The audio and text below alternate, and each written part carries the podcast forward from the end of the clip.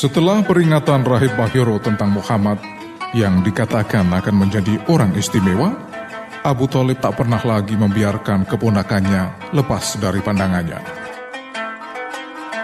Ke mana pun Muhammad pergi, Abu Talib selalu bersamanya.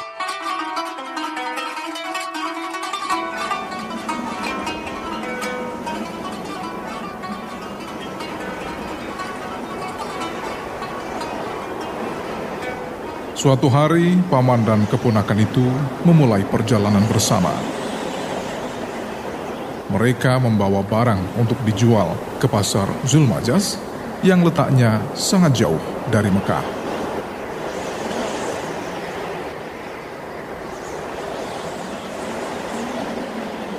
Saat berada di tengah perjalanan, Abu Talib merasa sangat haus, sedangkan bekal air yang mereka bawa sudah habis beberapa jam sebelumnya.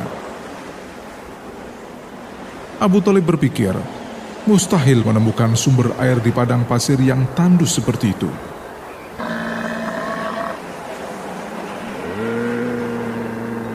Ia lalu teringat pada keponakannya. Ia tahu, jika ada Muhammad, tidak akan pernah merasa lapar dan haus. Wahai Muhammad, aku sangat haus sedangkan bekal air yang kita bawa sudah habis. Muhammad lalu menatap raut muka pamannya yang pucat, sementara bibirnya kering dan matanya sayu. Muhammad lalu berdoa kepada Allah.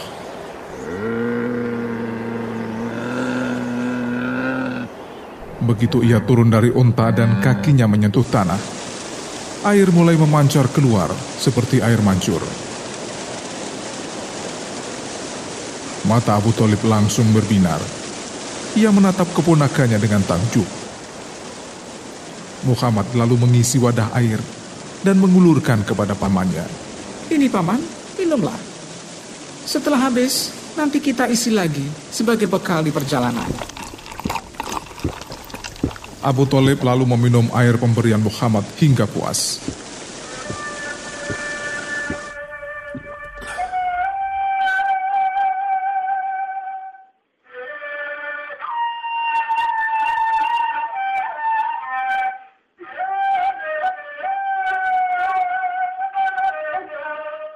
Ia kini semakin yakin keponakannya memang bukan orang biasa. Ia adalah sosok yang istimewa. Setelah melihat awan perak yang selalu memayungi ketika pergi ke Sam, gini ada satu lagi mukjizat yang dipunyai Muhammad. Dipandangi keponakannya dengan takjub. Lalu Abu Talib menghampiri Muhammad dan memeluknya dengan sangat erat penuh kasih sayang dan rasa bangga. Tanpa sadar, ia menangis hingga air matanya membasahi janggutnya. Sejenak kemudian, keduanya melanjutkan perjalanan.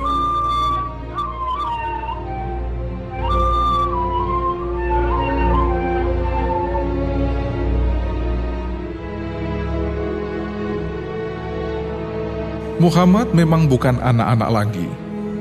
Selama dalam asuhan pamannya, ia tumbuh sebagai remaja yang tampan. Tubuhnya agak tinggi, rambutnya hitam legam, kuat, tebal, dan ikal. Alisnya berdekatan dengan bulu matanya yang panjang. Giginya seputih mutiara, dan eloknya senyuman selalu tersungging di wajahnya, dan hanya kata-kata manis yang keluar dari mulutnya.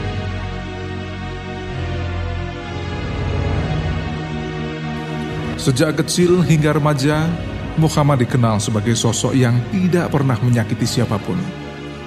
Ia selalu melihat semuanya dengan positif, termasuk persoalan kehidupan.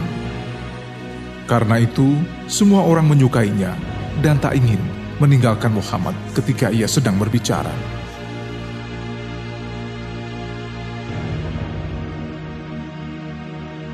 Dalam tempo yang tidak terlalu lama, keberadaan Muhammad dengan segala perilakunya seolah menjadi legenda di kota Mekah.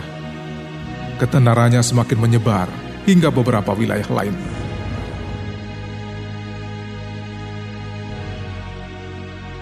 Orang-orang selalu membicarakan perilakunya yang santun, ramah, dan budi pekertinya yang tiada bisa dibandingkan dengan warga lainnya saat itu. Muhammad bahkan menjadi orang yang paling terpercaya di Mekah.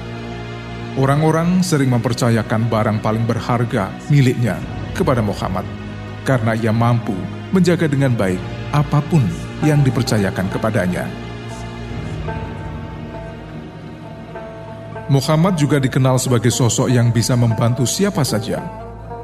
Di kalangan warga Mekah saat itu, Muhammad dikenal dengan julukan Al-Amin atau Muhammad yang dapat dipercaya. Orang yang tidak pernah berbohong atau mengkhianati siapa pun.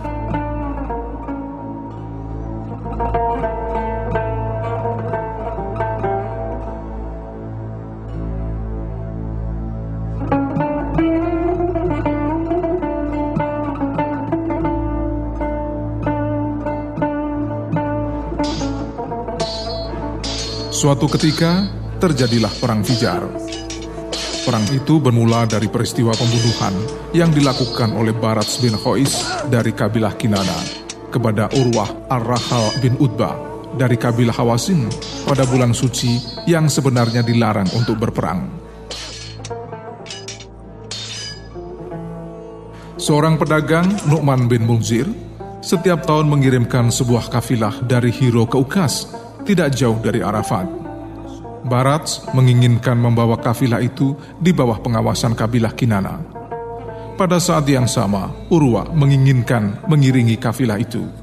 Tapi Nu'man memilih Urwa dari kabilah Hawasin, dan hal itu menimbulkan kejengkelan Barat dari kabilah Kinana.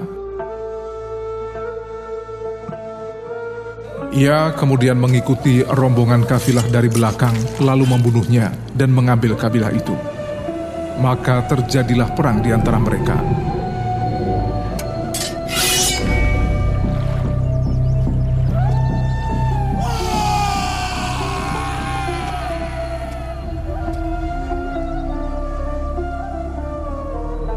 Perang Fijar hanya beberapa hari saja terjadi setiap tahun, tapi berlangsung selama empat tahun terus-menerus dan selalu berakhir dengan perdamaian setelah pihak yang dinyatakan bersalah membayar ganti rugi. Setelah perang usai, masyarakat Arab kembali pada pekerjaannya. Pahit ketirnya peperangan yang selalu terjadi setiap tahun itu tidak menghalangi mereka dari kegiatan perdagangan, menjalankan riba, minum minuman keras, serta berbagai macam kesenangan dan hiburan.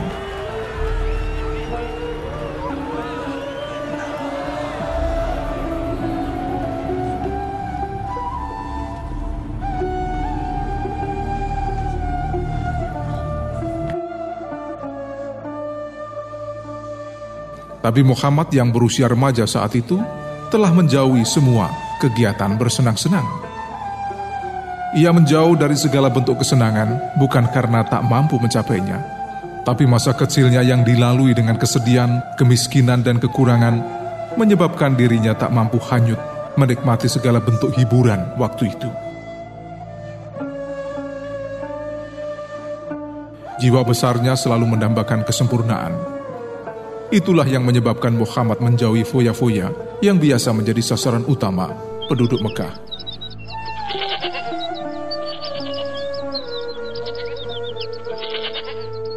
Muhammad lebih banyak merenung dan berpikir sambil melakukan pekerjaannya mengembalakan kambing milik keluarga dan beberapa penduduk Mekah.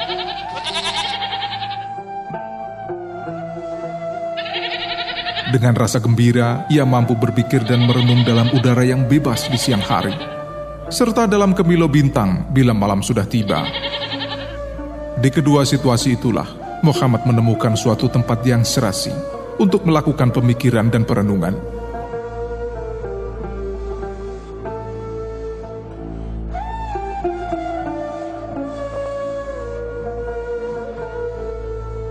Pemikiran dan perenungan yang dilakukan selama berhari-hari, berminggu-minggu, selama beberapa tahun, menyebabkan Muhammad jauh dari segala pemikiran nafsu duniawi.